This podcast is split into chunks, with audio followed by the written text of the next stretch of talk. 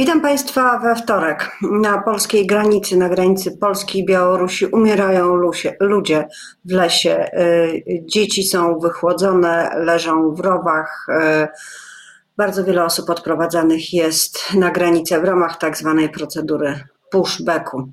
A na ulicach polskich miast w niedzielę demonstrowały tysiące ludzi, demonstrowały swoje przywiązanie do wartości europejskich i pozostania Polski w Unii Europejskiej. Tymczasem rząd Prawa i Sprawiedliwości mówi, że ewentualny polexit to nic więcej niż fake news. Zuzanna Dąbrowska, dzień dobry. Za chwilę będę o tym rozmawiać z moim gościem. A gościem jest eurodeputowany Platformy Obywatelskiej Andrzej Halicki. Dzień dobry. Dzień dobry, witam w Brukseli. Ten skrót y, wiadomości, który wygłosiłam, oczywiście y, pewnie mało obiektywny i autorski, to są moim zdaniem najważniejsze rzeczy, ale pokazuje trochę to, w jakiej rzeczywistości się znaleźliśmy. Y, zacznijmy od tego złożenia właśnie kilku elementów. Z jednej strony Polska toczy, czego chyba nikt nie neguje, wojnę hybrydową na granicy, ale okazuje się ona okupiona po prostu życiem wielu osób, nie wiadomo ilu, nie wiadomo co się z nimi dzieje, a, a, a z drugiej strony, no właśnie, rząd y, coraz mocniej pokazuje, że wyroki y, europejskich trybunałów, że system prawny Unii Europejskiej y, niewiele dla Prawa i Sprawiedliwości znaczy. Co wynika z tego złożenia faktów, Pana zdaniem? No, sytuacja dramatyczna. Ja myślę, że ten akurat y, wybór tych dwóch zdarzeń y, wcale nie jest y, nieobiektywny, bo dzisiaj doczekaliśmy się momentu, w którym wstydzimy się działań rządu na arenie międzynarodowej. Mówię tutaj o tej przestrzeni europejskiej, którą przecież współtworzyliśmy, bo to z Polski wyszedł impuls rozszerzenia, zmiany, no, dużej zmiany geopolitycznej, bo przecież cała, cały wielki region kiedyś pod y, dominacją Związku Radzieckiego przeszedł do y, części wspólnoty demokratycznej i Europy bezpiecznej, także szybko rozwijającej się. Ten impuls polski y, i z Polski pochodzący stworzył zupełnie nową konstrukcję polityczno-gospodarczą. Wcześniej mieliśmy ten podział gdzie indziej, on był taki powiedziałbym czarno-biały, granice, mury.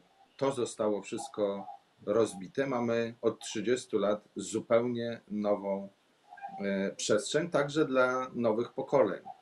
I w tej Jak się okazuje, nowej... nie mamy. No właśnie, i teraz e, powstało bardzo ważne pytanie: co tak naprawdę dzieje się w Polsce? Bo pomimo tego, że nas bardzo cenią, przypominają Ojca Świętego Jana Pawła II, który przecież o tą wspólnotę również się upominał. Y, Solidarność, Wałęsę.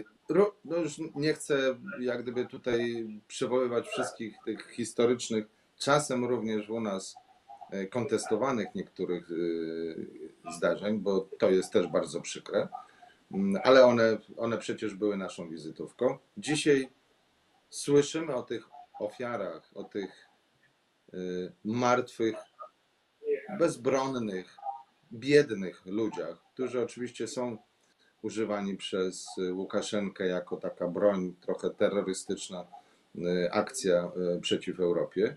No ale dużo zależy od naszej reakcji. Y, inną kwestią jest to orzeczenie, które próbuje burzyć no, dotychczasowy traktatowy porządek. I zaczynając od pierwszego tematu, uważam, że i to podkreślają rezolucje parlamentu, ale mało tego, nasze działania także. Także moje, bo muszę powiedzieć, że akurat prowadziłem komisję LIBE na temat działań, y, na temat potencjalnych zagrożeń ze strony Łukaszenki i jednocześnie możliwych działań ze strony Europy. Litwa od y, przełomu czerwca i lipca ma pełne wsparcie kontyngentu europejskiego, Frontexu, mnóstwo danych na ten temat, nawet wsparcie finansowe. Granica litewsko-białoruska jest szczelna, a jednocześnie jest pomoc udzielana tym, którzy jej potrzebują. Mało tego, są także czartery, kiedy azyl nie jest przyznawany i jest procedura odsyłania, relokacji, odsyłania y, y, no, tych niepodżądanych, tych, tych y, migrantów, którzy nie spełniają warunków i na pozostanie w Europie nie mogą liczyć. Wszystko odbywa Ale to się znaczy, że można się było tego spodziewać. To znaczy, że jeżeli e, od czerwca e, między innymi Litwa, przecież nasz e, bardzo, bardzo bliskie nam państwo, współpracowała z Frontexem i, i zapewniła sobie pomoc, to my też mogliśmy. Oczywiście i dlatego upominałem się o tą współpracę na początku lipca. E, Odpowiedź była negatywna, to znaczy po pierwsze, że Polska tej współpracy nie chce, czy nie oczekuje. Po drugie, no, zostaliśmy zaskoczeni regulacją, która tylko z pozoru jest podobna do litewskiej, bo mówi się o stanie e, wyjątkowym. No tak, tylko tam nikt nie ogranicza pracy organizacjom pozarządowym, ośrodkom, które funkcjonują na rzecz tych, którzy potrzebują pomocy. No i wreszcie nikt nie ogranicza pracy dziennikarzy. A my na naszej granicy mamy no, zakaz w sumie bardziej restrykcyjny niż przy prowadzeniu operacji wojennych. Bo nawet na linii frontu są przecież dziennikarze wojenni, korespondenci, którzy relacjonują przebieg zdarzeń. Tu całkowity zakaz i, i restrykcje. I w związku z tym e, Parlament Europejski przecież na poprzedniej sesji w zeszłym tygodniu bardzo mocno upomniał się o obecność mediów, o współpracę z tymi instytucjami, które wymieniłem, ale także współpracę międzynarodową. Tu nastąpił pewien progres, mogę powiedzieć, bo rzeczywiście e, była delegacja Frontexu i nastąpiły pierwsze e, kontakty i wymiana informacji, ale ja mam obawy Ale co do pewnej wiedzy. No właśnie, bo ja chciałam teraz zapytać, ponieważ wizyta była dość tajemnicza. Wyłącznie polski, polska strona recenzowała, że było świetnie. Wiceminister mówił, och, jaki był zachwycony nami e, dyrektor, e, dyrektor Frontexu, który wizytował e, granicę. Natomiast z drugiej strony, ze strony Frontexu, absolutne milczenie. Może pan coś słyszał, jak oni oceniali tę sytuację? Gdzie ich dopuszczono? Czy byli na przejściu granicznym, w ośrodku dla uchodźców? Nawet gdybym słyszał, to nie chcę teraz w tej chwili uruchamiać tego, co zderzyłoby się właśnie z tą propagandą, bo usłyszeliśmy zachwyty, ale te zachwyty kolportowała tylko strona polska. I mówię właśnie. o stronie rządowej, ministerialna. Więc y, mogę powiedzieć, że za chwilę będzie spotkanie na temat y, misji, która ma przyjechać do Polski właśnie na granicę. Będzie to misja łączona y, także parlamentarna, właśnie po to, żeby przełamać to embargo informacyjne. I myślę, że bardzo cennym byłoby, żeby rzeczywiście mm, uruchomić prawdziwą współpracę europejską, bo to nie jest tylko granica polsko-białoruska, to jest nasza wspólna granica i wspólna odpowiedzialność. I myślę, że także pełna wiedza jest niezbędna. Także myślę o tym humanitarnym wymiarze, bo y, jeszcze raz podkreślam, granica musi być szczelna. Bezwzględnie musi być y, wykonana praca, praca straży, praca naszych służb, ale też możemy mieć tutaj współpracę międzynarodową. Myślę, że byłaby dzięki temu ta granica skuteczną, bo dzisiaj nie jest. Wiemy o tym, że kilkaset osób co najmniej dotarło do Niemiec przecież przez tą granicę. Wiemy o kilkukrotnych ich przekraczaniu, czyli powtarzających się sytuacjach, gdzie, no, użyła Pani terminu pushback, tak, gdzie teoretycznie osoby, które już nie powinny trafić z powrotem za granicę, mogą być relokowane, mogą być w ośrodku, no bo zgłaszają się po y, pomoc prawną i, i, i azylową i to wyraźnie mówią, jednak trafiają z powrotem do tego lasu nawet dzieci. No to jest coś, co zbudowało nam bardzo zły obraz tej sytuacji i w związku z tym te pytania, Polacy, co się z wami stało?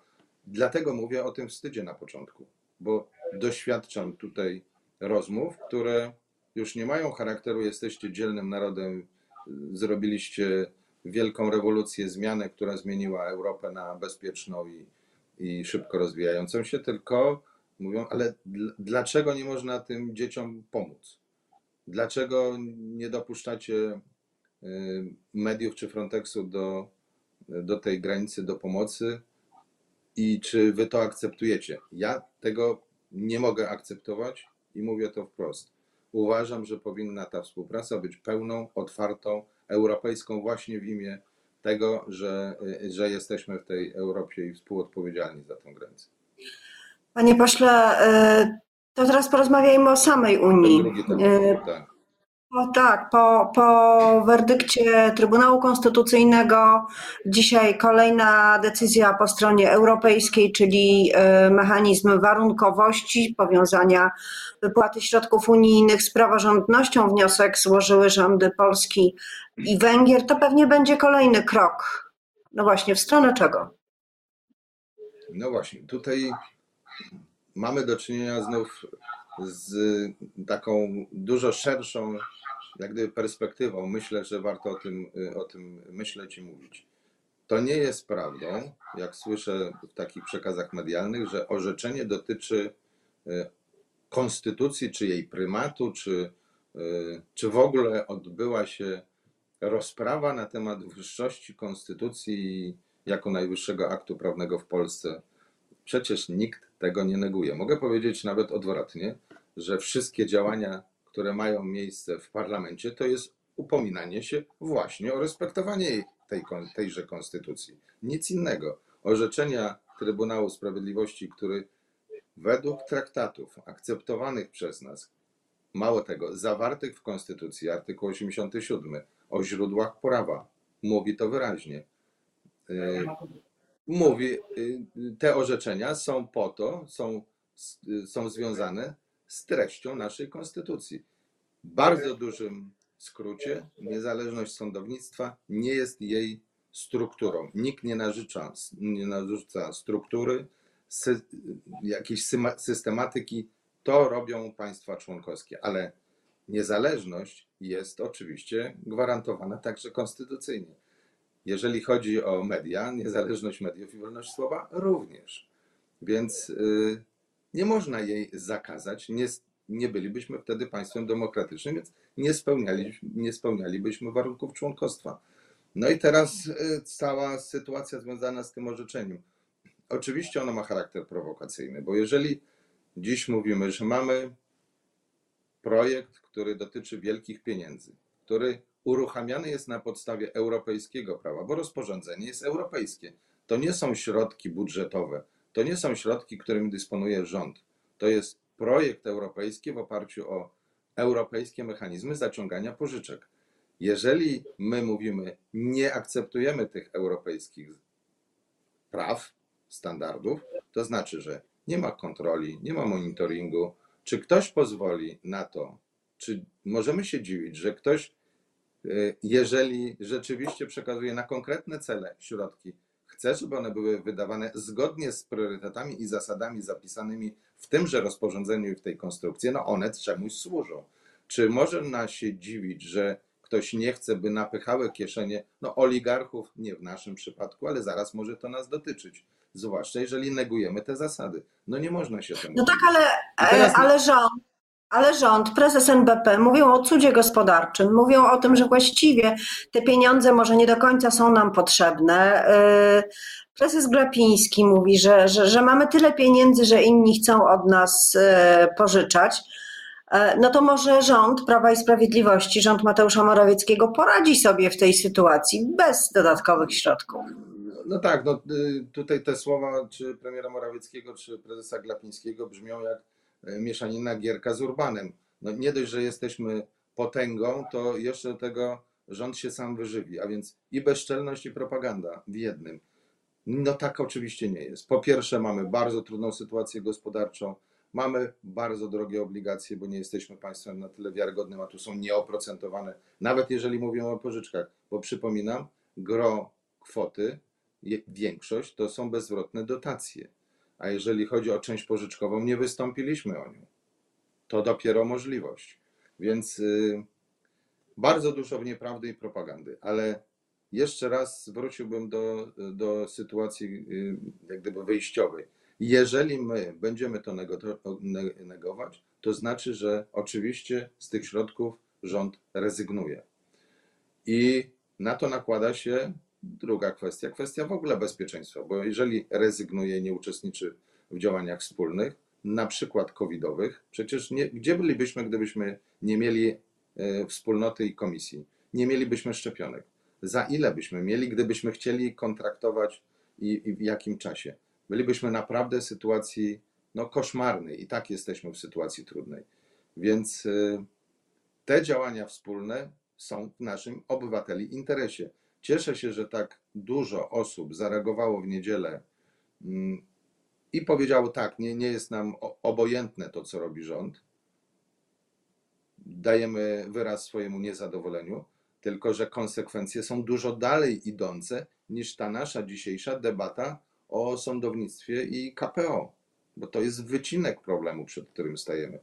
Więc y, kończąc, chciałem powiedzieć, że to bardzo niepokoi wszystkich naszych partnerów w Unii, bo to nie jest historia podobna do Brexitu, że David Cameron nie chciał, ale na końcu niechcący Musiał. wyprowadził Wielką Brytanię tak z Unii.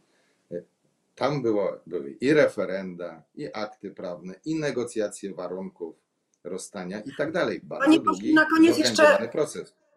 Jeszcze- tu mamy jeszcze jedno pytanie. traktatu. To znaczy mówienie, ten traktat, my do tego traktatu się nie stosujemy. My nie będziemy prowadzić żadnych działań o charakterze e, takich prawnych, które byłyby zobowiązaniem wynikającym z tego traktatu.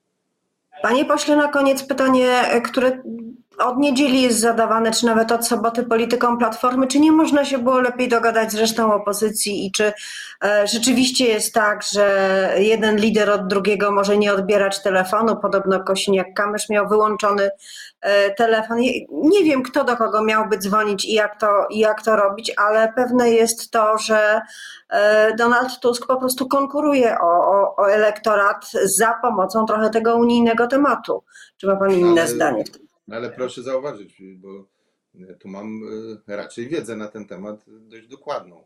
Donald Tusk dzwonił do wszystkich i rozmawiał z nimi. I starał się ze wszystkimi rozmawiać bezpośrednio. Przecież mówił, jest moment, w którym musimy być razem. To nie było zresztą skierowane tylko do innych e, liderów partii politycznych. To było także skierowane do właściwie wszystkich nieobojętnych. E, Proszę zobaczyć, jak wiele osób to nie były osoby ze świata politycznego, które e, występowały na Placu Zamkowym. Więc mam wrażenie, że szukanie tutaj jakiejś, jakiegoś problemu komunikacyjnego, jeszcze do tego z jakimś dodatkowym podtekstem, kto do kogo i, i, i- jak grzecznie miałby zadzwonić, jest w ogóle odwracaniem kota ogonem. No, ten protest, po pierwsze, bardzo spontaniczny, jest protestem Polaków. Polacy tam byli obecni, a nie partie polityczne.